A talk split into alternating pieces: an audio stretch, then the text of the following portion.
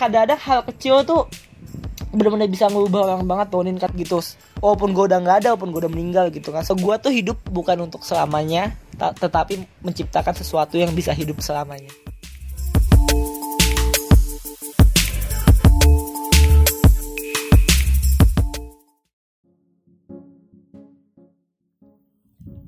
Bismillahirrahmanirrahim. Assalamualaikum warahmatullahi wabarakatuh. Halo di Changer. Udah lama gak, udah lama nggak nggak ketemu sih Tapi muncul akhirnya di podcast ini. Dan seperti yang tertera pada judul Kita hari ini udah ditemenin sama Leaders of Beasiswa 10.000 Asik. Kenalin dulu. Boleh Ken? Silakan kenalin dirinya. Oke kenal langsung ya. Halo. Oke santai aja ya nama gue Kenza Wardana. Gue kuliah di salah satu universitas di Jakarta nih namanya Krisna Dwi Payana ngambil hukum. Gue baru tahun kedua kuliah. Itu aja ya itu dulu ya. Ya boleh. Kan tadi gue udah bilang nih kalau Kenza ini ketua di beasiswa sepuluh ribu Nah, ketuanya tuh jabatan ketua apa nih? Ketua umum, ketua divisi, apa ketua apa nih? Alhamdulillah sih gue dipercayanya langsung nih ketua yang paling hmm. ketua hmm. nih di sini. Gue jadi presidennya alhamdulillah. Wah, ketua dari ketua. Iya, ketua dari ketua. Kan banyak okay. tuh jabat, kan banyak tuh jabat, jabatannya banyak ya. kan. Nah, gue presidennya hmm. alhamdulillah. Alhamdulillah. Dari bulan apa kalau boleh tahu? Gue baru kejabat tuh kalau dihitungnya kayak dua bulan dua bulan kemarin deh. Dari dua bulan kemarin tuh gue udah ngejabat. Cuman pelantikannya belum nih sama kan kayak Hanin kan jabatannya. Nah jadi baru dilantik tuh di uh, di bulan Juli awal ini nih. Baru mulai Juli banget. ya oke. Okay. terus kalau misalkan menurut Kenza sendiri leadership atau kepemimpinan di perspektif seorang Kenza tuh apa? Waduh, di awal udah susah nih jawabnya nih. Iya dong. Gue sih apa ya pemimpin. Gue tuh emang dari kecil tuh emang udah suka banget jadi pemimpin sih Nin. Kayak gue tuh dari kecil tuh kalau misalkan uh, bisa dilihat gitu ya emang nggak tahu kenapa tuh senang aja punya jabatan tapi nggak suka tampil tapi senang punya jabatan gitu kan karena gue oh, okay. tipe tipe orang tuh kayaknya nggak bisa banget kalau disuruh gitu loh. Jadi pengennya tuh yang di atas gitu ngerti gak sih? Nah makanya sukanya di atas. Uh -uh, suka di atas. Maksudnya suka di atas yang mimpin gitu kan. Uh -uh. karena gue ngeliat tuh kalau gue kalau gue jadi bawahan tuh ketika pemimpin gue kayaknya nggak jelas gue suka ngoceh. Apaan sih gitu loh hmm, kayak nah, iya. makanya. Nah makanya daripada gue cuman gibah doang kan ya udah gue aja jadi pemimpinnya gitu kan Oh. Nah, karena gue ngerasa gue tuh pemimpin itu tuh ya paling bisa menginfluence yang penting kayak ya jadi omongan lu tuh bisa ngebuat orang lain tuh ngikut sama lu sih basicnya ya kata pemimpin menurut gue mm. bukan kadang-kadang pemimpin ada yang bilang ya udah cuman pemimpin jabatan gitu kan tapi kadang-kadang mm. tuh ada yang nyamain juga walaupun dia jabatnya divisi atau anggota doang tapi sekalinya dia ngomong tuh kayak kita ngikut aja sama dia gitu kan. Nah itu tuh pemimpin tuh. Itu jiwa kepemimpinan dia punya. Tapi uh, yang pemimpin beneran tuh yang kayak gitu. Kalau gue cuma jabatannya aja. Kalau bisa kepemimpinannya nggak tahu. Itu yang nilai bukan gue itu sih. Kalau kepemimpinan menurut gue terus biar banyak nih ya. Hmm? biar banyak jawabannya. Oke okay, silakan silakan. Kita waktunya banyak kan? Sejam ya? Banyak banyak. Yang lain kan nggak ada yang iya. sejam. Gue dua jam aja Amira sejam. Amira sejam? Ya udah gue dua jam nggak hmm, apa ya? dibagi, tapi dibagi dua. Nah, pemimpin itu menurut gue kalau misalkan di uh, definisiin gitu kan, kalau gue ngeliatnya sih kayak kayak pemimpin tuh kayak pelukis, kayak medianya gitu loh yang gue lihat. Karena eh, nggak uh, bisa kadang-kadang tuh ide itu cuma dari kita doang gitu loh nih tapi gimana hmm. kita nerjemahin ide-ide anggota sih? Kayak kita tahu nih Hanin maunya apa kayak gimana Yodi maunya kayak gimana gitu kan. Ya kita tinggal ngelukis aja antara otaknya Yodi sama otaknya Hanin gitu loh.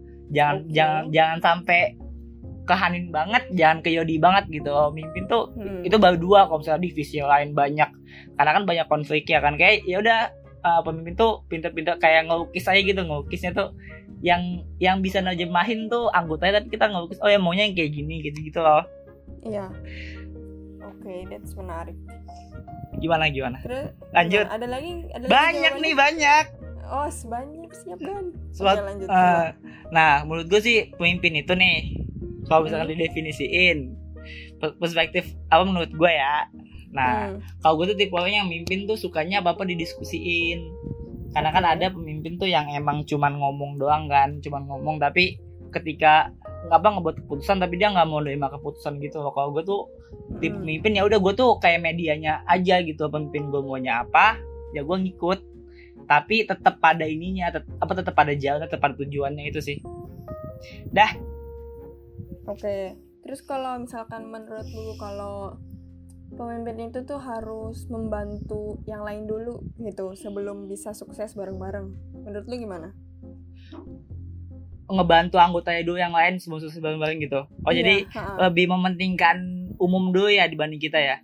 Ya Iya, ya ya itu satu sama lain. Bener sih gue setuju sih. Karena apa namanya kan kesuksesan kita kan juga ditentuin sama kesuksesan anggota kita juga kan. Maksudnya kalau ketika anggota Mm-mm. kita sukses dia bisa ngelakuin tugasnya gitu kayak hal-hal kayak podcast ini kan jalan aja gitu. Kayak apa namanya yang gua nggak tahu apa tapi tiba-tiba podcast jalan apa segala macam. Itu kan itu salah satu apa namanya kepentingan anggota juga kan yang oh ya udah jalanin Hmm. aja bisa jalan ketika itu bisa jalan ya udah gue juga ikut senang ketika tiba-tiba ya ada uploadan podcast ada uploadan live IG setiap minggunya kayak gitu-gitu kan gue ngerasa sih Mm. emang asal kan itu ke, itu, itu kan salah satu kesuksesan kesuksesan dari anggota gue kan dari anggota Yes. gue udah bisa podcast udah bisa buat live IG secara nggak langsung tuh ya pasti pemimpinnya ikut senang lah gitu Mm. Oke. Berarti bener ya harus ngebantu orang lain dulu sebelum iya menjadi pemimpin yang baik. Atau itu Betul. sebuah jalan untuk menjadi pemimpin yang baik. se- sebuah jalan karena Sebuah pemimpin jalan. yang baik tuh bener-bener harus emang anggota dulu sih baru dia dia emang harus anggota dulu mikirinnya tuh Oke. Terus apakah lu sebelum menjabat menjadi um, presiden dari beasiswa 10.000, apakah lu tahun sebelumnya ada di divisi tertentu? di sepuluh ribu apa di sebelumnya Ah, nih dari gue ceritain apa dari apa eh histori kepemimpinan gue ya iya, Gua- track record. Iya, boleh. Gua tuh gua tuh SD introvert banget nih. SD tuh gua bener-bener tipe orang tuh yang suka duduk di belakang gitu kan. Tunggu, tunggu, tunggu, tunggu. Kenapa? Introvert atau pemalu? Dua-duanya kayaknya.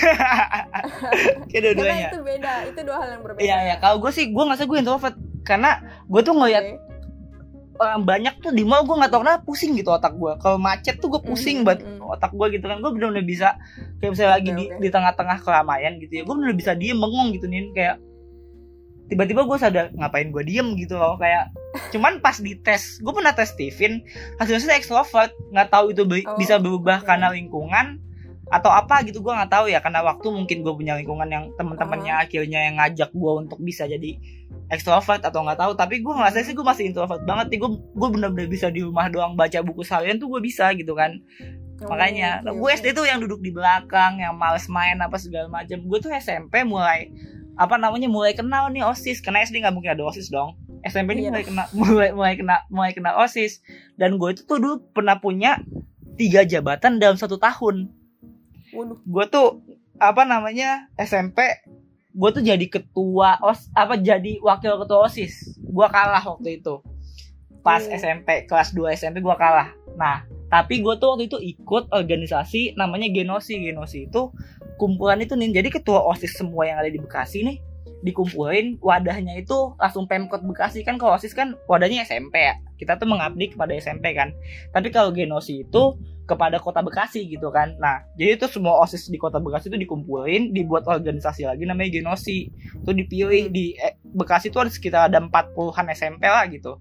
Dan perwakilan tuh sekitar ada 70-80 anak gitu kan. Nah gue tuh di interview ngewakilin Jati Asih waktu itu zona gue gitu kan ngewakilin Widih. apa namanya iya dan gue kepilih jadi ketua genosi di sana. Jadi ketua gue senang banget di situ kayak gue mungkin kalah di SMP tapi gue bisa apa step up yang lebih tinggi gitu di kota Bekasi jadi Yes, ketua yes, genosinya. benar. dan yang mana gue tuh jadi ketua angkatan tiga tau nggak? Ketua angkatan duanya siapa genosi Siapa tuh? Kasafila Farisi Honda Bezos Bezos Wibu sekarang. Itu fun fact gue kenal. Gue kenal Kasafila itu dari SMP gue kenal dia dari sana gitu kan Hmm. Gua ngeliat dia, dia tuh angkatan 2 tapi dia kan satu tahun di atas gua kan pas SMP kan. Mm-mm. Gua ngeliat dia apa namanya? Ih, ketua genos sih cewek. Gua kagum gitu, ketua genos tuh kok bisa cewek, pendek banget dia dulu tuh, kecil gitu kan. Kayak gua kenal sama dia di situ. Oke. Nah, gua tuh jadi ketua pramuka juga Oh. pas SMP satu jabat apa satu tahun yang sama tuh jadi gue punya tiga jabatan satu tahun bayangin pusingnya kayak apa Sabtu Minggu gue bener kayak pejabat ke sana ke sini ke sana ke sini tiga jabatan itu nih nah. Wah. nah apa namanya? Terus pas SMA gue tuh udah mulai di tahap yang kayaknya tuh eh udah bosen gitu ada organisasi kayak nggak tahu nih mau ngapain lagi gitu kan. Jadi tapi tetap gue ikut osis tetap ya tapi jabatan gue mentoknya cuman jadi ketua divisi gitu loh nggak nyampe ketua OSIS. Gue ikut kelas 2 gue ikut ketua osis tapi gue kalah. Gue itu apa namanya ya, ya karena teman gue ada satu yang niat banget lah pokoknya. Ka- apa kampanyenya apa segala macam tapi gue cuman yang ya udah ikut gitu. Menang-menang enggak Hmm. enggak gitu kan. Yang kayak gitu sih. Makanya gue ngerasa tuh kayak pas SMA itu kayak ah ya udahlah ikutin aja. Tapi gue udah eksekusi udah banyak banget kayak event yang gue adain gitu-gitu sih. Pas dulu. Nah terus kalau ditanya tadi bedanya apa sama Mm-mm. Apa presiden gitu kan jabatannya. Iya. karena gue juga pernah ngerasain kok di ribu tuh gue awal masuk tuh jadi divisi internal dan audit. Di, di- di- divisi bawahnya lah gitu kan ya yang tugasnya itu untuk apa namanya ya udah kayak internal kayak ngaudit gitu kan kalau misalnya ada suatu event gua audit nih keuangannya gimana pelaksanaannya gimana gitu-gitu kan. Bedanya apa? Kalau ditanya Hmm. bedanya apa gua Oh, ngerasa iya. jadi jadi pemimpin tuh feelnya beda tau. Kayak kayak eh, terutama tuh lebih di egonya sih. Gua ngerasa tuh ketika gua jadi anggota biasa tuh egonya tuh gue bisa keluarin semuanya gitu loh. Ketika gue emosi ketika gua nggak suka iya. gue tuh tipe orang yang lumayan ngegas gitu lumayan egonya tinggi gitu kan. Gengsi lah gitu gue tuh bener-bener dulu gue pernah berantem sama Yodi pas dari sepuluh ribu nih maksudnya berantem debat gitu ya gue kan gak itu Iya. kan enggak kayak sama Valdi gue berantem sama Bang Chris sama founder tuh gue berantem mulu gitu. Karena gue ngerasa ya udah gue anggota gitu. Ngerti gak sih? Gue anggota yang ya udah ketika ketika lu nggak setuju sama gue ya udah nggak apa-apa gitu kan. Tapi ketika gue jadi presiden tuh beda banget. Gue bener-bener ngerasa tuh jadi presiden tuh kelatih kelatih banget ego gue gitu loh. Walaupun awal-awal tuh gue sempat berantem juga. Gue tuh pernah berantem Yodi gara-gara podcast. Gue pernah berantem sama Yodi loh. Nen sama Valdi gue pernah berantem juga. Karena gue ngeliat nggak suka gitu. Tapi kadang-kadang aku jadi pemimpin tuh udah nggak udah mulai mikir nggak bisa kayak gitu. Ego kita tuh terutama di uh, organisasi yayasan kayak gini nih yang yang nggak digaji yang nggak dapat apa-apa gitu kan kecuali cuma dapat pengalaman gitu nggak bisa kayak gitu kalau misalkan Hmm. gue berantem sama Yodi nih misalkan terus Yodi udah gitu males sama gue ngapain gue kerja sama apa ngapain gue eh kerja sama sama Kenza gitu tapi dia nggak bisa ngargain gue Yodi tuh bisa pergi kapan pun ya nggak sih karena di Yes. apa namanya di yayasan kayak gini tapi ketika ketika ya karena ya karena kita pakai sistem sukarelawan bukan yang sistem digaji ngerti gak sih? Kalau misalkan digaji gue ngamuk kayak apa pun juga Yodi nggak bakal ke mana-mana karena dia gue gaji dong karena dia terikat sama gue tapi kalau misalkan ini gue gaji kagak gue ngasih uang bensin kagak uang makan kagak nah makanya itu tuh yang harus dijaga egonya. Kayak dia tuh udah mau kerja udah mau sama kita itu udah bersyukur banget gitu kita, apa di kitanya kan. Mm-mm. Oke harus tahan-tahan kayak misalkan gue kadang-kadang lagi emosi kadang gue gue cerita kayaknya gue terlalu emosi deh. Gue belajar jadi minta maaf duluan. Jadi minta ya maafin gue ya kalau ada salah. Gue ngomongnya kenceng apa segala macem. Jadi kelatih sih semenjak Iya. jadi presiden tuh jadi kayak nggak bisa nih. Yang dulunya kalau misalnya gue ada yang nggak suka gue langsung gue langsung ngomong. Nggak jangan kayak gitu ah gue nggak mau gitu gitu. Sekarang tuh oh ya udah sekarang maunya kayak gimana? Ya udah gue tanyain ya kayak Hmm. gitu gitu deh. Kayak ya udah. eh, eh, betul. Oke. Jadi sangat terasa lah ya perbedaannya. Iya, apa dari segi ego sih emang. Dan benar-benar kita tuh harus bisa harus bisa tahu mood masing-masing anggota sih. Karena kadang-kadang kan di yayasan kayak gini tuh ketika apa namanya ketika namanya semangat ya kadang bisa hilang kadang enggak kan. Kayak Mm. misalkan ya tiba-tiba lagi semangat banget tiba-tiba pas kita hubungin nggak ada gitu. Ya udah harus bisa ngatur mood sih. Dan ngat apa namanya harus bisa ngatur mood anggota kita biar dia tuh biar kita tuh tahu sebagai pemimpin oh ketika mood dia nggak bagus ya udah jangan dulu ke dia gitu ketika mood dia lagi bagus ya udah ke dia gitu gitu sih lebih harus bisa kayak gitu jadi pemimpin tuh bener-bener harus bisa gitu apa namanya ngeliat tapi yang susah ah, nanti deh nanti kan ada yang lain nanti gue jawab Oke oke. Lanjut ya nih ke perta- pertanyaan selanjutnya. Gue kepo. Kan tadi lu bilang lu katanya ngaudit-ngaudit nih sebelumnya. Mm-mm. Terus long story short, kenapa tiba-tiba kok oke apakah Kenza oke? Lu jadi ketua atau apakah gue mau dong jadi ketua? Kayak gitu. Karena kan tadi lu bilang lu seneng nih jadi ketua. Gimana ceritanya? Mm-mm. Mm.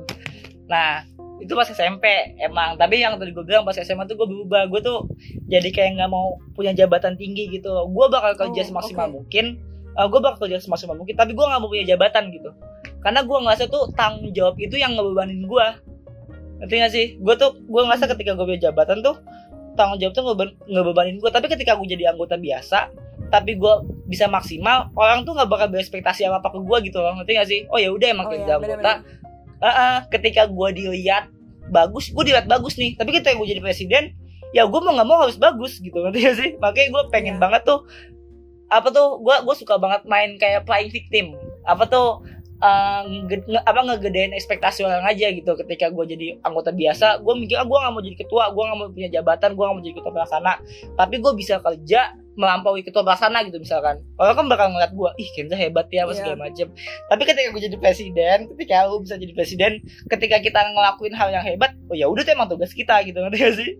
Dan nah kadang-kadang Iya, tuh iya, iya. yang buat gua yang buat gua apa jadi beban banget. Karena gua nggak mau punya beban di gua jadi gua jadi males takut apa apa gitu makanya nggak- awalnya nggak mau- nggak mau punya jabatan gitu kan. Gua nggak mau jadi presiden Iya. awalnya.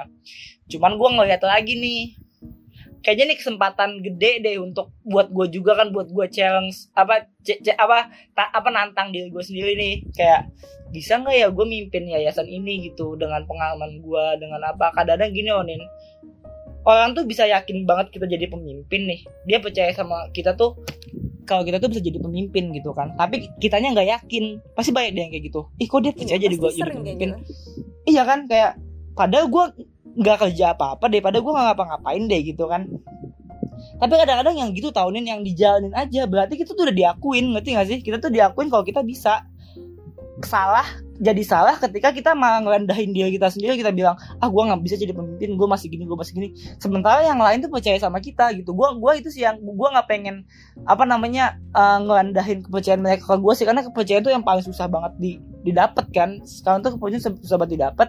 Makanya gue pikir ya udah jalanin aja. Ketika gue jalanin yang kemarin itu bisa dan oke oke aja ya udah ketika gue jadi presiden gue yakin gue bakal oke oke aja. Itu sih kenapa gue pengen ngambil itu sih karena apa Iya. namanya banyak lah ada kasus di internal lain gitu kan apa di internal kita. Di ibu tuh yang yang ujung-ujungnya tuh harus gue jadi presidennya gitu kan. Ya ya karena kan emang eh, kadang-kadang ketika udah sibuk kayak dulu kan Kak Safira presidennya dia tuh udah ngerasa sibuk dan dia emang kegiatannya udah banyak dia tuh udah masuk organisasi banyak lagi walaupun dia masih fokus tapi dia tuh udah di tahap yang udah di ranah yang cuman audit yang cuman nasihat. Itu sih ketika eksekusinya gue yakin gue jauh lebih bisa di, apa gue jauh lebih bisa karena gue lebih matang aja gitu. Karena kesibukan gue nggak banyak gitu sih. Karena kesibukan Kak Safira udah banyak banget itu sih. Kenapa gue ganti kenapa gantinya gue cuma nanti enam bulan lagi nggak tahu siapa beda. Ya, bisa aja. Apakah ada kemungkinan lu dua periode seperti presiden? Bisa jadi. Bisa jadi empat Oh. bisa jadi lima. Oh. tergantung. Tergantung voting kalau kalau milih gue lagi nanti nih ya gue jadi lagi lah. Oke oke. Terus Makanya dilihat- makanya dilihat. setuju tau. apa? Gue setuju sama yang lu bilang kalau emang gak tau kenapa tuh eh, kita kita diri yang diri kita sendiri tuh pasti selalu nggak percaya sama kemampuan diri kita sendiri gitu. Tapi kalau orang lain tuh nggak tau kenapa ntar bisa ngeliat positifnya. Tapi kalau kita tuh malah susah. Iya nggak tahu kenapa ya kayak nolak aja gitu ya di Mm-mm. hati kita tuh benar-benar kayak ah nggak bisa nih nggak bisa gitu gitu terus akhirnya gimana nih bagaimana terpilih Iya, kenapa gua kepilih? Karena waktu itu sempat pas rapat transisi itu kan, gue rapat tuh sama foundernya, ada Bang Kris, ada Ami, ada Safira tuh. Dia ngomong, ini gimana yang ngebuat sistem kan kita kan emang sistemnya tuh banyak banget berubah dari sistem sebelumnya kan gue pengen ngebuat sistem Oke. tuh gimana biar kita tuh ya udah birokrasinya lebih jelas aja gitu loh. Birokrasi lebih jelas. Dan dan kita tuh pas di sana sama-sama kayak uh, open terbuka gitu loh. Apa yang dirasain apa yang pengen diomongin gitu. Jadi semenjak diomongin dia ngomongin iya deh kayaknya ada beberapa yang emang lagi sibuk ada yang nggak bisa 100% fokus ke yayasan gitu kan. Kayak Ami Mm-mm. contohnya lagi skripsi Bang Bang Chris tuh udah mulai kerja Safira tuh udah sibuk sama bicara apa segala macem gitu gitu kan. Nah gue Hmm. mikirnya oh ya udah nih kalau misalkan masih mereka yang megang yang atasnya gitu masalah eksekusi jalan eksekusi kayaknya mereka udah nggak bisa. Karena takutnya kan ketika lagi dibutuhin banget mereka nggak bisa kan. Karena emang nggak bisa dipungkirin juga ya pasti kan ada namanya quarter life crisis tuh yang hidup tuh kadang-kadang nggak bisa di situ-situ aja kan. Kadang-kadang idealis kita Yes. tuh masih organisasi tapi ketika ya udah tuntutan jadi mikir aduh harus kerja harus nikah harus apa gitu-gitu loh kayak makanya mungkin gue mungkin gue udah ngertiin mereka gitu kan. Nah ya udah ketika gue masih semester 4 gue masih tahun ke ma- baru masuk tahun ketiga juga kuliah ya udah kenapa nggak gue aja gitu. Loh dan mereka alhamdulillah juga ngasih amanah itu ke gue tapi gue bilang sama mereka ya udah gue mau gitu kan. Tapi tetap dibantuin. Mereka setuju ya udah Kenza jadi presidennya. Dan gue milih waktu itu eh, Ali namanya Nur Ahmad Ali jadi wakil presiden gue karena gue ngerasa dia tuh bisa ngelengkapin gue karena dia baik sopan asik gitu lah nah gue kan Wow, gue macan banget gitu lah kalau jadi itu. Gue tuh galak nih, dulu galak orangnya. Kadang-kadang tuh tegas ngomongnya suka ngomongnya tuh enteng banget gitu nanti gak sih gampang nyakitin kadang-kadang Ah, iya. Nah kalau Ali tuh lembut, santai, sopan. Nah, Oke ketika gue ngomong, ketika gue lagi emosi, gue Ali yang ngomong gitu. Oi, ngomong ke anggota gitu. Kadang-kadang makanya gua- dia bisa jadi penengah antara gue gitu nantinya. Makanya gue pengen banget punya melengkapi gitu ya. betul. Itu sih. Jadi kalian kayak saling melengkapi gitu gak sih? Iya betul banget karena gue udah mikir gue bak gue udah mikir kekurangan gue apa sih nanti ketika gue jadi pemimpin gue bakal kayak gimana kadang-kadang eh, apa namanya gue tuh kalau udah fokus ke satu tuh nggak bisa banget fokus dua fokus tiga nih fokus satu aja gitu Hmm. kan dan ketika kadang-kadang gue kadang-kadang gue tuh terlalu all out yang maksimal jadinya kayak oh banyak deh kayak dulu kayak gue pernah SMA gue fokus ke suatu event jadi tuh lingkungan gue jadi jadi rusak semua gitu loh. Hubungan orang tua gue jadi rusak sama teman gue jadi rusak karena gue selalu fokus ke satu tujuan gitu. Gue udah fokus tuh kayak gitu makanya gue takut banget nggak bisa ngebagi waktunya gitu sih. Makanya gue ketika punya wakil yang bisa ngertiin gue nantinya gue jadi bisa tahu ketika gue kelebihan atau apa ada yang ngingetin gue gitu loh. Tapi gue pengen ngingetinnya yang baik. Ketika dia ngingetin gue dengan cara yang gak baik juga ya udah gue berantem aja sama wakil gue berdua gitu kan. Oke kalau dia baik karena gue tau gue karena gue tau Ali gimana ke gue kayak Ken jangan gitu. Ken gue aja yang ngomong. Ali tuh baik banget kayak gitu jadi gue oh ya udah gitu dia tahu kalau gue lagi emosi ya udah jangan diajak Oh. ngomong jangan diajak ngomong dulu gitu emang harus ada ikatan itu sih sama wakil tuh udah harus bonding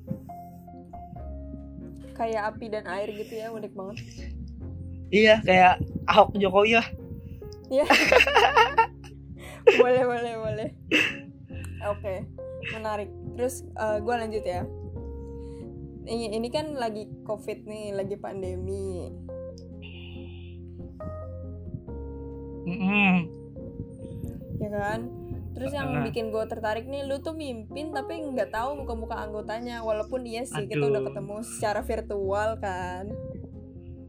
Ini berarti Mm-mm. lu menurut lu lu sudah memimpin secara maksimal belum sih? Walaupun secara online gitu. Enggak enggak maksimal sama sekali. Hmm, karena gue cerita, gue cerita dikit ya. Ah, ah, susah. Karena satu gue kan dipilih nih ya gue tuh dipilih di Ah. masa yang belum belum covid belum kenceng di Indonesia gitu nih Iya. gue tuh masih pokoknya belum kenceng lah belum sekenceng sekarang nggak tahu ini karena kan tadinya tuh gue juga pas jadi presiden tuh pengen sistem perekrutannya tuh udah gue yang buat nih udah gue sama anggota gue yang buat kan udah sama uh, periode baru yang buat gue sama Ali yang buat sama Yodi sama Valdi yang lain. Gue pengen interview tuh ketemu langsung nih sama lu tuh gue pengen ketemu langsung. Interviewnya gitu nanti kita ngumpul di cafe atau di base camp ketemu langsung gitu kan kita jadwalin. Ya udah interview langsung. Sampai akhirnya tuh covid mulai nih kelihatan. Di Depok kena di mana kena gitu kan gue mikirnya. Iya. Waduh ini mah bahaya gitu. Udah mulai udah mulai banyak banget masuk Indonesia pasiennya positif udah segini segini segini. Gue mikirnya ah gue nggak mau ngambil resiko ah gitu. Ngerti gak sih? Karena Iya. masalah kesehatan tuh udah jauh banget sih menurut gue apa pun itu tetap gue nggak mau ngambil resiko ketika gue ngumpul di base camp segala macam ketika ada yang kena gue lagi yang kena kan atau yayasan ini kena. Karena yayasan ini udah gede banget gitu. Gue mikirnya oh ya udah kita pakai sistem interview online aja. Per BOD gitu kan Hmm. BOD-nya divisi mana BOD-nya yang langsung interview anggotanya gitu kan. Waktu itu sama Yodi ya di interviewnya ya? Yes iya gue sama Yodi. Iya, jadi yaudah Yodi Yot, lu nanti yang gituin apa namanya eh, divisi apa divisi lo ya lu mau siapa aja. Kan Yodi kan konten BOD konten ada YouTube ada konten ada website ya kan nah Hmm. dia tuh milih tuh karena kenapa Yodi kenapa Yodi doang yang interview? Karena kan dia yang bakal kerja sama Yodi kan. Jadi gue pengen Yot lu gua bebasin untuk milih mau punya anggota yang sifatnya kayak apa yang yang apa yang lu suka gitu kan. Karena dia kerja sama lu harus nyaman gitu. Gue pengennya kayak gitu kan gak yang Hmm. tiba-tiba dipilih gitu. Gue nggak mau. Karena gue pengen gue percaya banget awal kerja tuh di yayasan kayak gini nih yang harus nyaman dulu sih. Karena ketika udah gak nyaman tuh ngapa-ngapain males yang anaknya tadi gue di awal bilang. Karena kita nggak diikat apa-apa. Kita nggak digaji kita nggak di apa. Minimal kalau Setuju. gue bisa numbuhin rasa nyaman bagus gitu kan. Makanya itu yang gue itu banget. Karena tim bonding yang pengen tadinya gue buat nih ketika kita ketemu interview langsung kan gampang nih ya gue jadi pemimpin. Misalkan oke anggota gue udah ketemu 40 anak. Ya udah gue inepin aja ke base camp kita apa namanya kita tim bonding itu bercanda-bercanda main game. Sehari aja. Itu kan pasti udah enak kan kerjanya gitu kayak jadi koordinasinya enak kerjanya enak. Tapi ketika iya. di awal tuh nggak bisa gue bingung gitu kan. Aduh ngebondinginnya gimana ini? Gue mikir kan. Nah makanya waktu itu lucunya juga gue sama Ali teleponan wih ini gimana ya biar kita bisa kenal divisi-divisi kita gitu gue ngomong gini aja Li ya. Ketika BOD lagi rapat sama divisi kita ikutan yuk mau nggak? Makanya inget gak pas gue keliling pertama kali teleponan Iya. ke divisi-divisi ya kan? Mm-mm. tugas gue cuma Iya, ketawa doang kan di sana. Karena tujuan gue itu tujuan gue emang pengen bondingin biar kenal gitu loh siapa presidennya siapa sifatnya kayak gimana. Karena bener-bener gue tuh nggak tahu nih sifat lu kayak gimana yang lain kayak gimana gimana kan. Dan ketika gue takut yang ngasih tugas yang gue nggak tahu lu kayak apa gitu takutnya nanti malah setengah-setengah atau nantinya malah Iya. nggak tahu gitu kan. Tapi ketika gue tahu Hanin gimana gue tuh tahu lu tuh dari Yodi doang. Kayak tiap minggu tuh kita dapat BOD Eh, Yot Hanin gimana? Gitu-gitu sifatnya gitu-gitu ceritain oh Hanin gini Hanin gini. Ada sebenarnya ada tugas namanya ICF Tegalda tuh yang lebih ke internal kan. Cuman emang gaganan aduh gagal Kananda tuh yang pengen live IG nanti Sabtu. Dia tuh apa namanya lagi jadi relawan covid kan jadi dia nggak bisa bantuin Iya. Tegalda jadi gue bilang ya Yodi dulu yang yang ngetik apa sifat anak-anak gue nanya Hanin tuh gimana sifatnya ini gimana? Nah dikit-dikit gue tau Hanin gini Hanin gini yang lain juga gitu kan. Makanya gue ngerasa tuh perlu ada sistem yang kayak gitu tuh yang ngebuat kita tuh jadi tahu. Karena kita nggak bisa ketemu langsung gitu sih tim bondingnya. Gue gua nggak gagal karena penting banget tim bonding. Kalau misalkan di organisasi kan setiap kita masuk organisasi pasti ada tim bonding. Sekali dua kali ke puncak jalan-jalan tim bonding enak main game gitu Iya, kan. bener. ya ini nggak bisa sama sekali. Mukanya aja gue kadang lupa Hanin kayak gimana mukanya. Yang gue tahu suaranya doang gitu kan. Gue nggak tahu gitu sifatnya kayak gimana. Gue kayak ya udahlah. Dan dan Hanin harus udah bisa gue tugasin ngerti nggak sih? Kan bete juga nggak sih Nin? Kayak misalkan Iya. lu nggak tahu si Yodi siapa lu nggak tahu teman-teman sedivisi lu tapi udah harus kerja sama sama dia tuh nggak enak menurut gue jadi kayak aduh ketemu aja belum apa belum gitu. Jadi kita harus memaksakan memaksakan gitu kan. Jadinya beda. Gue takutnya kan mungkin ada yang bisa ada yang ngerti kayak oh ya udah kerja dulu aja nanti juga ketemu. Tapi kan Iya. nggak semua orang punya sifat kayak gitu kan. Ada juga yang ah males ah ini siapa sih? Gue nggak kenal gitu. Udah nyuruh nyuruh gue aja kan kagak enak ya kan? Makanya apalagi di yayasan kayak gini yang gua kagak ngegaji gua kagak ngasih apa kagak ngasih kuota. Kalau yang ngebuat apa namanya anak-anak tuh jadi nggak apa anak-anak tuh jadi nggak tahu di, apa dia tuh mau kayak gimana. Kayak lu kan kayak misalkan lu sama temen divisi lu siapa nih lu konten ya? Konten kan? Iya, uh, konten tuh siapa aja ada Dona, ada Dona. em, siapa? Asti. Asti. Nah lu pernah ketemu langsung mereka nggak? Ah, enggak, tapi kita pernah video call sama voice call. iya tapi ketemu langsung nggak pernah kan? Iya. nah makanya. iya karena gue nggak sepenting juga tau nih ternyata kalau misalkan bedanya apa namanya video call sama ketemu langsung kan beda banget ya.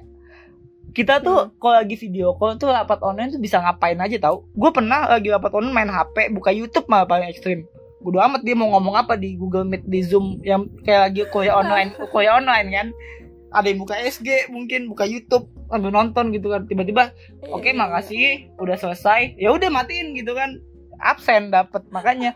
Tapi ketika ketemu langsung tuh beda. Kayak misalkan gue lagi ngomong gue tuh bisa ngeliat ekspresi lo gimana lo nangkep apa enggak apa yang gue omongin gitu kan. Ketika ketika kita bisa ngeliat gue lagi ngomong coba deh gue pernah sekali pas rapat apa pas pertama kali zoom meeting sama anak-anak tuh gila gue aku setengah mati. Bener-bener aduh gue harus ngomong apa? Gitu gue pengen bercanda. Tapi gue nggak tahu respon dia ketawa apa kagak gitu. Masa kita mau ketawa harus ngemenit dulu ngemenit haha matiin lagi gitu. Kan ribet banget gue mikirnya kan. Makanya itu yang gue pikir tuh feelnya beda ketika rapat online sama rapat ketemu langsung tuh. Kayak kita tuh bisa kenal mukanya aja. Kayak bisa gue lagi ngelawak oh Hanin senyum nih. Berarti dapat dia nangkap apa yang gue omongin. Wah oh, Hanin gini nih gitu gitu kan enak kan? Kalau ketemu rapat online tuh nggak bisa nih rapat online tuh nggak bisa makanya gue tuh nggak bisa kenal nggak bisa bercanda nggak bisa apa. Belum lagi kalau sinyalnya jelek gue lagi ngomong panjang-panjang udah setengah jam tiba-tiba ngomong kak tadi ngomong apa? Sinyal aku mati. ya Allah. Males banget gue kayak gitu kan. Hah? Ya udah nggak udah udah nggak usah nggak usah nggak usah. Kayak ya udah males jadinya gitu kan. Maka itu sih yang gue tadi di awal bilang apa namanya kita tuh nggak dapet sense of belongingnya loh di awal. Nggak bisa tim bonding dulu. Nggak bisa ngelihat apa namanya uh, secara langsung lebih personal tuh nggak dapet. Jadi benar-benar diujinya tuh lagi covid kayak gini rasa kepercayaan doang harus ditumbuhin sih. Rasa kepercayaan tumbuhin kayak eh, ya udah kita percaya sama teman kita gitu-gitu loh. Iya. karena gini sih nggak ada yang bisa disalahin ya nggak sih? Kadang-kadang iya, gue mikirin awalnya tuh gue pas pengen masuk gue pengen ah enggak gue nggak pengen enam bulan doang karena gue pengen ketemu dulu pengen ngadain event offline dulu gitu kan sebelum anak-anak lepas jabatan. Kayak misalkan gue pengen ketemu Hanin dulu nanti mungkin kita ngebuat podcast langsung ketemu sama siapa gitu kan di satu studio gue pengen kayak gitu. Kita pengen ada pengabdian pengabdian dulu exchange dulu apa segala macem. Biar kalian tuh dapat pengalaman itu nggak setengah-setengah gitu ngerti gak sih? Gue pengennya kayak yeah, gitu. yeah. cuman gue mikirnya cuman gue mikirnya enggak.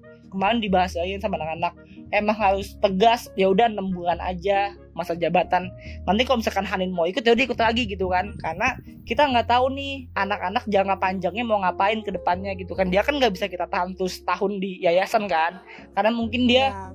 udah ngejadwalin gitu loh. Mungkin oh gue jadwal gue dari ibu sampai bulan Desember doang nih. Karena tahun depan gue pengen ikut organisasi lain misalkan. Nah kita tuh harus tegas kayak gitu. Nggak bisa kita nanti dulu nunggu covid selesai nanti dulu nunggu covid selesai. Gue nggak mau. Ya udah nggak ada yang bisa disalahin ketika dia nggak bisa nanti ikut exchange ikut pengabdian ya. Karena Indonesia pun nggak jalan lagi covid kayak gini apalagi kita kan. Ya. karena gue mikirnya tuh di saat kayak gini yang tadi lo bilang maksimal apa enggak kan kerjanya jadi presiden nggak sama sekali. Tapi nggak apa-apa nggak ada yang bisa disalahin gitu. Karena karena kenapa?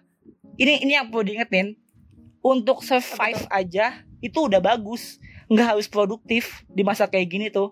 Kita tuh bisa bertahan setiap hari. Minimal kita bisa ngeliat besok pagi aja tuh udah bagus banget gitu loh. Udah bisa ngeliat keluarga kita sehat yang lain lagi. Mungkin ada yang jadi pasien ada yang lagi sakit ada yang lagi apa. Kita tuh bisa ngeliat besok pagi bisa ngeliat keluarga kita. Itu tuh udah bagus banget. Nggak harus produktif. Kadang-kadang kan gue mikir gue nggak kayak gue punya usaha gitu kan. Aduh usaha gue nggak jalan nih gue harus ngecek jaket ke Bandung ngeliat bahannya gimana apanya gimana. Sekarang cuma bisa di, di videoin doang kan. Oh ini bahannya kayak gini gitu gitu ketika itu nggak maksimal minimal tuh ada progresnya dikit minimal tuh ada hasilnya dikit dibanding nggak ngapa-ngapain kan. Karena target yeah. gue nih oke okay, yang penting podcast masih jalan live IG masih jalan postingan di IG masih ada gitu kan. Ya udah gue nggak perlu maksimalin diri gue harus enggak gue harus buat event pengabdian yang gede gue harus essence yang gede. Ya karena lagi nggak bisa ngapa-ngapain itu nggak ada yang bisa disalahin. Dan yayasan nggak bisa disalahin anggota nggak bisa disalahin. Dan ya udah kita bersama-sama ngerti aja sekarang kan karena pengusaha aja banyak yang bangkrut banyak yang di PHK ekonominya hmm, lagi pada susah. Masa kita maksain gitu kan? Itu sih yang gue tadi bilang ketika nggak maksimal gue mikirnya gue kesel juga karena gue nggak maksimal tapi gue mikirnya oh ya udah minimal gue masih hidup gitu sekarang gitu. Karena banyak banget mungkin yang lagi emang hidupnya tuh lagi susah lagi ekonominya susah apa segala macam minimal gue tuh masih ada progresnya dikit. Tapi kan banyak positifnya juga kan kayak polusi jadi dikit quality Iya. time sama keluarga jadi enak lebih banyak gitu-gitu sih. Kadang-kadang tuh uh, Allah tuh nyuruh kita tuh ya udah istirahat dulu. Ketika ego manusia yang banyak banget di otaknya ngomong gue pengen ini pengen ini pengen ini pengen ini. Tapi ketika Allah bilang udah ya nanti dulu gitu. Ya udah nggak ada yang bisa dipaksain gitu. Semua stop nggak ada yang nggak stop. Indonesia aja stop nggak bisa ngapa-ngapain gitu kan. Pembangunannya stop uangnya buat covid semua 400 t. Ya udah nggak nggak bisa diapain gitu sih yang gua ngelihatnya Pokoknya mah masih banyak hal kecil yang bisa disyukuri lah di pandemi ini ya. Heeh, minimal ada dikit kayak gini-gini kan ada yang ngejalan kan podcast gini-gini tuh ada lah gitu dikit-dikit kayak hasilnya gitu kan. Mm. Ya semoga podcast kita bisa menghibur seseorang di luar sana.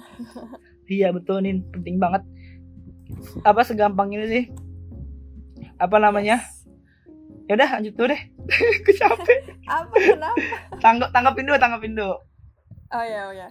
Oke, oke. eh podcast tuh bukan interview nin lu harus Iya, tanggapin gue juga lu Iya, juga harus lu, lu juga harus ngomong pandangan lu juga enak aja gue ngomong capek Enggak kalau kalau gue sih karena bukan ketua ya, tapi gue bisa apa at least melihat lah sebagai mm, perspektif anggota juga sebagai Hmm. mahasiswa juga dan emang yang serba online di pandemi itu nggak enak banget Hmm. semuanya semua orang tuh beragam gitu loh maksudnya kayak ketika ngebales percakapan di HP atau di chat gitu pasti ada yang lama Iya. ada yang sebentar. Mm-mm. dan gue tuh sebetulnya kurang suka dengan komunikasi komunikasi ini apa namanya? Online. Komunikasi secara online ha oh iya karena betul tuh, banget. iya kan kita kita nggak bisa denger orang itu tuh nadanya kayak gimana jadi sering misunderstanding gitu nggak sih? Sering miskomunikasi jadinya. Banget banget. Kayak cetan gak sih? Kayak iya. apa namanya? Orang tuh cuma ngomong iya doang bisa dibilang tuh cuek. Padahal emang ya iya iya gitu ngerti gak sih? Iya makanya. Oh, ya udah kalau nggak Kalau- A- nya harus banyak gitu. aja. iya padahal mah santai gitu kan. Ada yang bilang iya. Ya kok cuek banget sih? Ya emang harus kayak gimana? A nya harus banyak harus pakai emoticon gitu kan. Salah paham gitu. Makanya ada yang bilang tuh jangan pernah sakit hati cuma dari cetan gitu. Karena isi hati tuh nggak ada yang tahu kan.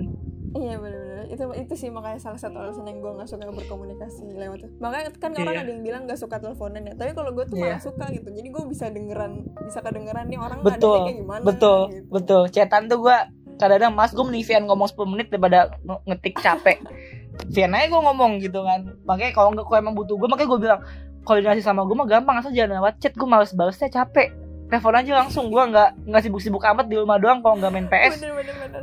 gue ke mana kayak gitu Malah kadang ini gak sih lebih akhirnya kalau misalkan orang udah chatan tapi dia nggak mau ditelepon ya udahlah kita pakai VN aja. Malah iya Iya. betul banget kayak kayak dia dia tetap bahasa chat tapi gue VN aja udah amat misalkan Iya, dia misalnya gue VN dia tetap bahasa chat ya udah gue VN lagi chat gue VN lagi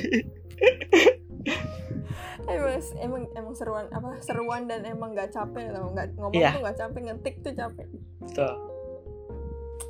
Jadi ya sih gue setuju. Pasti ya semua pasti merasa kesusahan lah di pandemi ini. Iya, Jadi maksudnya eh, pandemi ini lekas selesai. Amin. Nggak ada yang bisa disalahin ya Nin ya? Benar-benar ya udahlah. Ya emang udahlah. semuanya lagi susah gitu. Nggak ada yang nggak susah. Di PHK tiga setengah juta yang apa namanya eh, TKI pada pulang semua setelah ini pun juga tantangannya banyak banget ya nggak sih? Setelah covid selesai pun kita kan Iya. harus memulihkan ekonomi lagi kan? Kayak yang di PHK Hmm. harus nyari kerja lagi. Angkatan-angkatan Hanin nih lagi skripsi setelah lulus tuh sayangannya banyak banget. Ah udahlah. Ah udahlah kayak ya udah, ikutin aja lah gitu. ya kan? Gue let it flow aja lah. Kayak it flow aja. iya. Drivingnya ntar aja. Mm-mm, betul tahan anak-anak tujuh tahun aja nih kuliah nggak apa-apa. Nggak nggak lolos astagfirullah. Ya gue juga gak mau lama-lama. Baru katanya mulu capek ah Yo katanya sih yang bikin capek ya. Iya, bener. Oke lanjut ya. Nih Iya. gue tahu nih pasti lu keinginan ke depannya ya pasti ketemu anggota lu gitu ya. Aduh. pasti ya ini pandemi selesai gitu. Cuman apa lagi gitu keinginan lu ke depannya. Iya sih. Selain ketemu anggota gue yang tadi gue bilang karena ketemu langsung tuh ini onin tau nggak yang bikin gue seneng di yayasan ini tuh emang ketemu langsungnya ngerti gak sih? Pas rapat Mm-mm. tuh pas rapat pas ketemu tuh bercanda-bercandanya ceng-cengannya. Itu nih yang gue rasain tuh kenapa gue bisa betah di yayasan ini ya.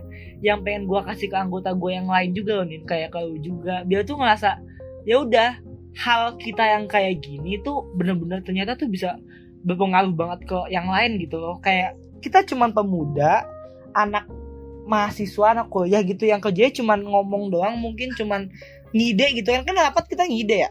Kita rapat tuh ngide kayak oh ini aja kita buat ini aja kita buat tank mas aja apa segala macam tapi ternyata tuh bisa gede banget. Contoh dari Antikong deh Nin.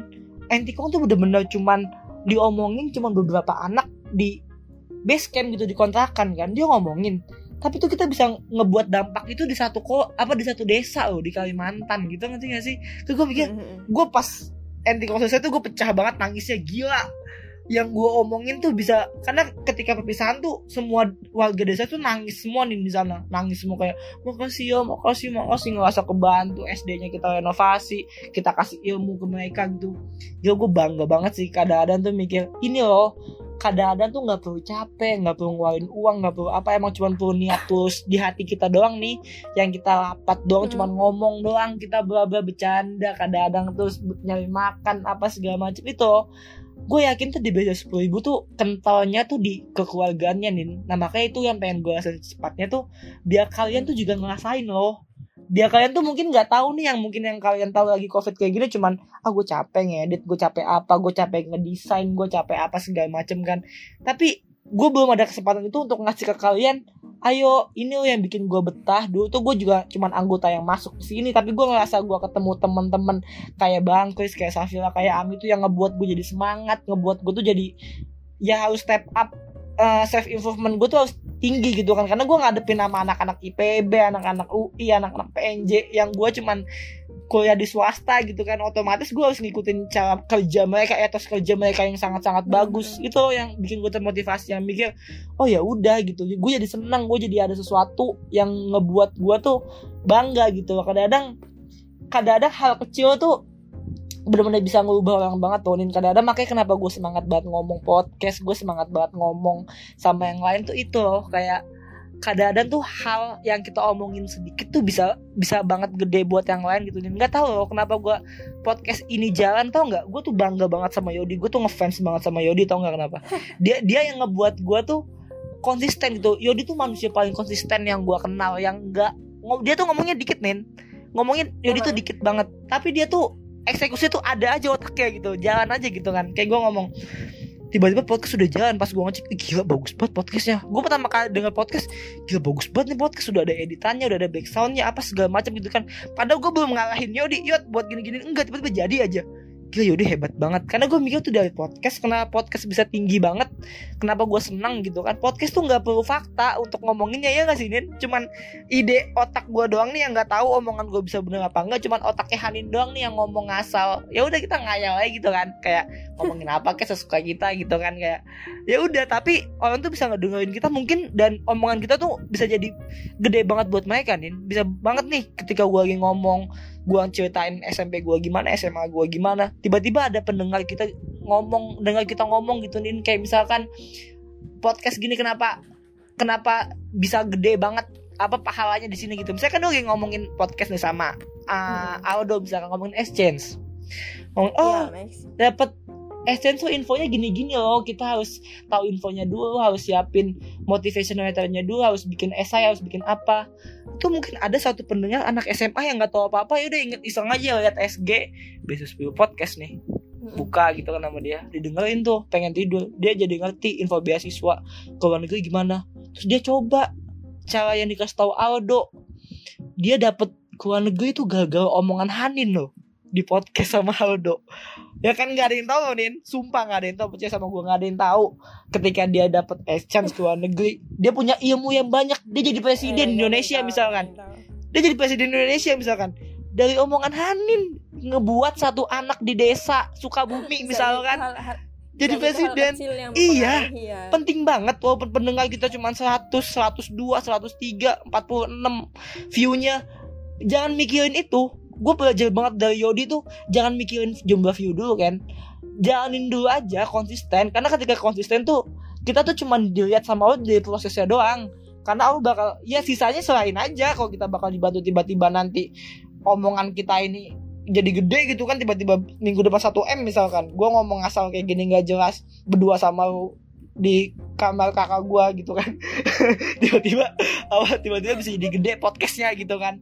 Nggak ada yang tahu benar-benar makanya kadang-kadang tuh ide yang ada di otak kita tuh harus kita kembangin. Minimal tuh pernah kita omongin ke teman kita satu gitu nin. Jadi ketika kita udah mati udah kita udah meninggal tuh ide kita yang kita buat kita buat otak kita tuh dari SD dengan lingkungan yang beda kita SMP ketemu teman kita yang kayak gimana kita SMA ketemu teman kita kayak gimana yang ngebuat Hmm. sifat kita jadi beda masing-masing gitu. Oh mungkin sifat gue sama sifat Hanin beda pandangan gue sama pandangan Hanin beda karena SD gue lingkungannya beda sama Hanin SMP gue beda sama Hanin dan kita punya otak sendiri untuk melihat dunia gitu loh. Dan mungkin penglihatan kita dunia itu bisa bisa dilihat orang lain juga kayak misalkan gue ngomong gue sering banget ketika gue ngomong sama temen gue gue kan sering banget ngomong sama temen gue enggak loh gue ngomongin politik kah ngomongin apa ngomongin apa yang setahu gue aja gitu so tau gue tapi gue yakin ketika gue udah ngomongin itu tuh nggak cuma jadi hayalan gue doang loh. Minimal gue udah ngomongin ke teman gue gitu. Jadi ketika teman gue punya pandangan oh iya tuh Kenza pernah ngomong kayak gitu. Wow gue senang setengah mati. Berarti apa analisa gue di dunia ini tuh ada sedikit benernya gitu loh. Kayak senang aja gitu ketika omongan gue Ada tuh bisa mempengaruhi kebermanfaatannya orang lain. Iya, ya. bener sih Nin karena gue yakin yang tadi nyambung juga jadi pemimpin kok masalah ide nih ya gue percaya banget Indonesia tuh nggak kekurangan ide tau. Kalau jadi pemimpin tuh. Indonesia tuh kita terutama tuh kita tuh punya semua masalah dari suatu eh, kita tuh punya solusi dari su- semua masalah. Apa macet kita punya masalahnya. Oke bangun jembatan bangun apa jembatan layang jalan tol apa segala macam macetnya itu punya solusi.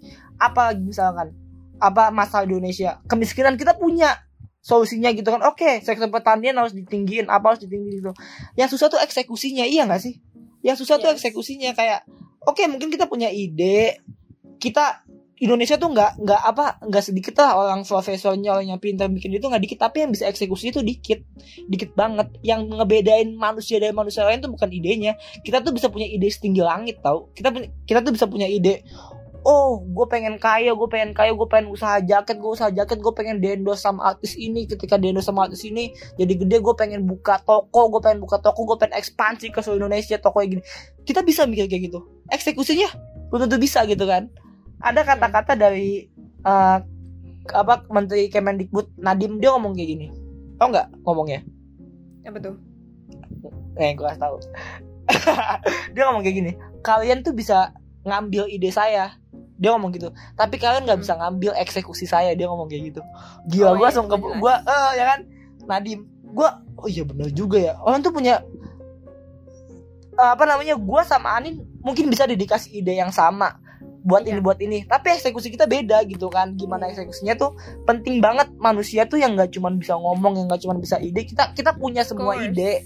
Tapi eksekusi kita dikit banget di Indonesia yang bisa ngeksekusi itu terlalu banyak takut kita gini takut ini kita gini takut ini. Jadi pemimpin eksekusi ketika kita mau ngegusur sesuatu takut apa takut gitu-gitu. Jadi kita butuh banget anak-anak tuh pemimpin-pemimpin tuh yang bisa eksekusi sih yang nggak takut apa pun gitu loh. Kita butuh banget karena kalau masalah ide kita punya ide kita bagus-bagus. Bisa lah gitu. Yang risk taker lah ya. Iya, yang harus ngambil yang nggak takut mati lah gitu. Karena untuk orang lain juga ya nggak sih? Ketika eksekusi itu jalan ketika kayak gini kan iya iya. gue seneng banget sih. Ketika gue ngerasa gue gue bisa punya eksekusi yang baik. Karena ide tuh oh gampang deh nyari ide. Eksekusi susah banget. Benar setuju. Menurut menurut tuh gimana? Biar biar ngomong. sih. Biar ngomong juga. Tapi kalau gue mah bener ya gimana ya emang bener karena ya kayak apa yang sedang gue rasakan aja sekarang skripsi skripsi gue kan bikin media kan gue memproduksi media gitu. Ya nih gue mikirin konsep ini itu a b c d ya tapi kalau gue nggak eksekusi ya percuma. Iya ya. Tapi kayak udah kepikiran mau gini mau gini mau gini gitu kan ya? Iya, kayak ah mau gini mau gini. Tapi kayak pernah- aduh. udah pernah kepikiran lah. Mm-mm. ya mau gimana? Gitu sih ya udah nih gimana Ken? Lu ada lagi nggak yang mau disampaikan? Itu dulu. Halo ada pertanyaan lagi? Kita buat dua jam nih nggak apa gue presidennya selalu coba ya. Hmm, sebelum kita lanjut gue mau trivia quiz dulu. Boleh. Jadi gue udah nyiapin tiga pertanyaan. Ntar lu milih aja salah satunya. Gue ada dua pilihan lu Hmm. tinggal pilih salah satu oke ya boleh. Yuk. Oke gue mau nanya. Manis atau asam manis. Manis oke. Ntar dulu ya kita lanjut dulu. Terus habis itu nyanyi atau menari? Nyanyi. Oke. Yang terakhir bakso atau mie ayam? Mie ayam. Mie ayam oke. Eh gue juga. Coba gue tanya dulu Apa pertama ya ini kan trivia quiz aja biar seru-seru oh. Ini segmen Oke. baru yang gue berikan kepada narasumber. Baru lu Eh. baru lu. Sumpah. Hmm. coba Oh, ditanya kenapa- nih. lu kenapa kok lebih milih manis daripada asam? Gue kadang sih suka asin atau kalau asin manis gue masih bingung tuh. Tapi kalau misalkan sama asem gue kayak lebih milih manis. Oke oke. Ah. Emang sih makanan manis tuh memberikan energi. Betul. Lanjut ya. Nomor tiga lu kenapa milih nyanyi? Eh nomor Tadi dua, pilihannya apa? sorry. Nomor dua Nomor nyanyi dua, sama? nyanyi atau menari? Nyanyi sama menari. Oh. ya gue lebih suka apa namanya? Suka lagu sih. Lah kan menari Diba- juga dibanding- ada lagunya. Tapi gue lebih suka visualnya doang. Eh, nyanyi gitu karena gue suka tulus. Hmm, oke. Gue tuh lebih Boleh, nyaman apa namanya oke oke. Lanjut ya. Oke ini lu tim mie ayam. Kenapa mie ayam? Gue nggak suka bakso. Gue nggak tahu kenapa. Kan biasanya bakso tuh tadi pertanyaannya bakso mie ayam ya? Iya. Ya gue nggak suka bakso. Mie ayam suka tapi kok nggak suka mie nya nggak suka baksonya lah. Oh, oh, oke. okay. maksud- maksudnya nggak- mie ayam ada baksonya. Nggak tapi kan nggak kan bisa milih mie ayamnya doang. No oke oke. Oke alasan diterima Oke Kenza, ini kita sudah di penghujung dari podcast episode podcast kali ini. Kenza ada, lu ada ini nggak kata-kata terakhir? Astagfirullah kata-kata terakhir. ya Allah Maaf, maaf, bukan mak- maksudnya closing statement. Closing statement. Apa? Ada quote-nya ya quote ya Iya silakan. oh bagus nih gue quote banyak banget nih gue tuh SMP eh puitis anaknya Iya. gue tuh gue gue tuh salah satu manusia yang bisa keubah cuman dari kata-kata doang gitu kan Manusia senja ya. ah banget jadi gue kalau misalnya ada satu kata-kata tuh bagus banget gitu wah tapi Oh, bisa kadang bisa gue jadi pandangan hidup gitu loh oh, nih oke, gue ada gue ada quote ini bagus banget semoga Oke. yang dengerin ini bisa ngebuat ini tuh jadi gede buat dia gitu jadi besar buat dia Amin. gitu dan dia dan dia jadi jadi moto hidup moto hidup gue dari dulu gitu Siap. Coba gimana? Eh, moto gue adalah eh, gue tuh hidup bukan untuk selamanya ta- tetapi menciptakan sesuatu yang bisa hidup selamanya asik mantap nggak lu paham nggak Enggak. gua gua gak paham. ya jadi ini gue jelasin ya sekarang Iya, oke statement. kadang-kadang gue tuh nggak tahu nih apa hidup sampai kapan kan nggak ada yang tahu ya kita mati kapan atau selesai kapan gitu kan kita meninggalnya kapan. Mungkin bisa sejam lagi gue meninggal mungkin bisa minggu depan gue meninggal atau setahun lagi gue meninggal gitu kan. Tetapi kadang-kadang gue tuh hidup nggak untuk selamanya nih tapi gue hidup untuk menciptakan sesuatu yang bisa hidup selamanya. Semoga dari kayak gini-gini nih Nin. Dari gue gue jadi presiden tuh ada hal-hal yang bisa membekas gitu kan di yayasan ini yang gue bangun. Gue bangun kayak pengabdian masyarakat yang bisa berdampak bagi uh, warga di sana gitu kan yang bisa jadi dia semangat gitu. Walaupun gue udah nggak ada walaupun gue udah meninggal gitu kan. Semoga podcast kayak gini pun yang gue ngomongin sama lu tadi sejam yang lalu tuh kita omongin dengan banyak mungkin pandangan-pandangan gue pandangan-pandangan Hanin juga ke depannya atau untuk jadi pemimpin itu gimana pandemi itu jadi pemimpin kayak gimana gi- gitu kan. Iya. mungkin gue bisa mati satu jam lagi tapi kan podcast ini bakal terus ada gitu. Jadi gue seneng banget nyiptain sesuatu yang bisa hidup selamanya gitu loh. Jadi ketika gue mati tetapi yang gue lakuin itu bisa ngebuat orang tuh jadi hidup selamanya gitu loh. Jadi itu sih yang gue pikir karena gue nggak tahu hidup kap apa gue nggak tahu mati kapan. Seenggaknya apa yang gue jalanin hari ini yang gue omongin sama lu di podcast kali ini tuh semoga bisa jadi manfaat buat orang yang banyak sih entah sampai gue udah mati nantinya minimal mereka tahu kalau ada Kenza yang dulu yang ngomong kayak gini yang punya pandangan kayak gini yang punya ide kayak gini gitu kan. Seenggaknya tuh bisa ke nyangkut lah di otak di otak yang dengar podcast ini gitu loh ketika gue udah mati nantinya. Jadi gue mungkin bisa mati tetapi ide-ide gue nggak bakal pernah mati gitu sih maksudnya. Paham gak sih? Masa nggak Iya, paham. paham? Paham kalau udah dijelasin ini gue paham gue paham. Iya. Tadi apa? Iya. Gua kita hidup bukan untuk selamanya tetapi menciptakan sesuatu yang bisa hidup selamanya. Itu. Oke siap. Ntar gue tulis di description biar semakin endes. Oh mantep ya. Oke oke. Kalau gitu gue akan memberikan sedikit um, conclusion atau kesimpulan. Jadi di episode kali ini kita sudah belajar banyak tentang kepemimpinan di pandemi terutama karena tantangannya yaitu belum bisa melihat para anggota-anggotanya betul dan juga akhirnya kita menciptakan untuk sense of belonging atau menumbuh rasa kekeluargaan antar anggota di dalam organisasi tersebut menjadi agak sulit. Maka dari itu, sebagai seorang pemimpin, Kenza berusaha untuk eh, apa ya, gimana? Hmm, berusaha untuk mengayomi anggotanya, Iya. ya. Membuat anggotanya beradaptasi dengan mengayomi dengan dan melalui em, alat komunikasi seadanya yaitu video call online. Betul. Yang sambil main IG dan sambil main IG karena itu tidak enaknya berkomunikasi secara online. Online. Betul. Iya. Terus eh, di episode kali ini gue akan menutup dengan quotes dari salah satu penulis buku terkenal mengenai leadership yaitu John C. Maxwell yaitu true leadership must be for the benefits of the followers not to enrich the leader Hmm, betul Jadi kepemimpinan sejati itu ya memberikan benefit kepada anggotanya, bukan memperkaya pemimpinnya gitu. Betul Jadi setuju seperti yang seperti yang kita bicarakan juga di awal, kalau pemimpin yang baik itu ya yang menolong diri eh menolong orang lain terlebih dahulu sebelum dirinya. Gitu. Betul. Semoga di episode kali ini para edu changer menjadi pemimpin, kelak pemimpin yang dahsyat dan bisa menjadi pemimpin Indonesia. Apa pun itu Amin. di mana pun kalian memimpin nantinya. Jadi mari dengan itu aku akan akhiri. Gimana Ken? Beasiswa 10.000 ribu. dukung pendidikan usung perubahan yeay Terima kasih Kenza. thank you Ani dadah Dan semoga edu changer menjadi pemimpin yang baik. amin Assalamualaikum.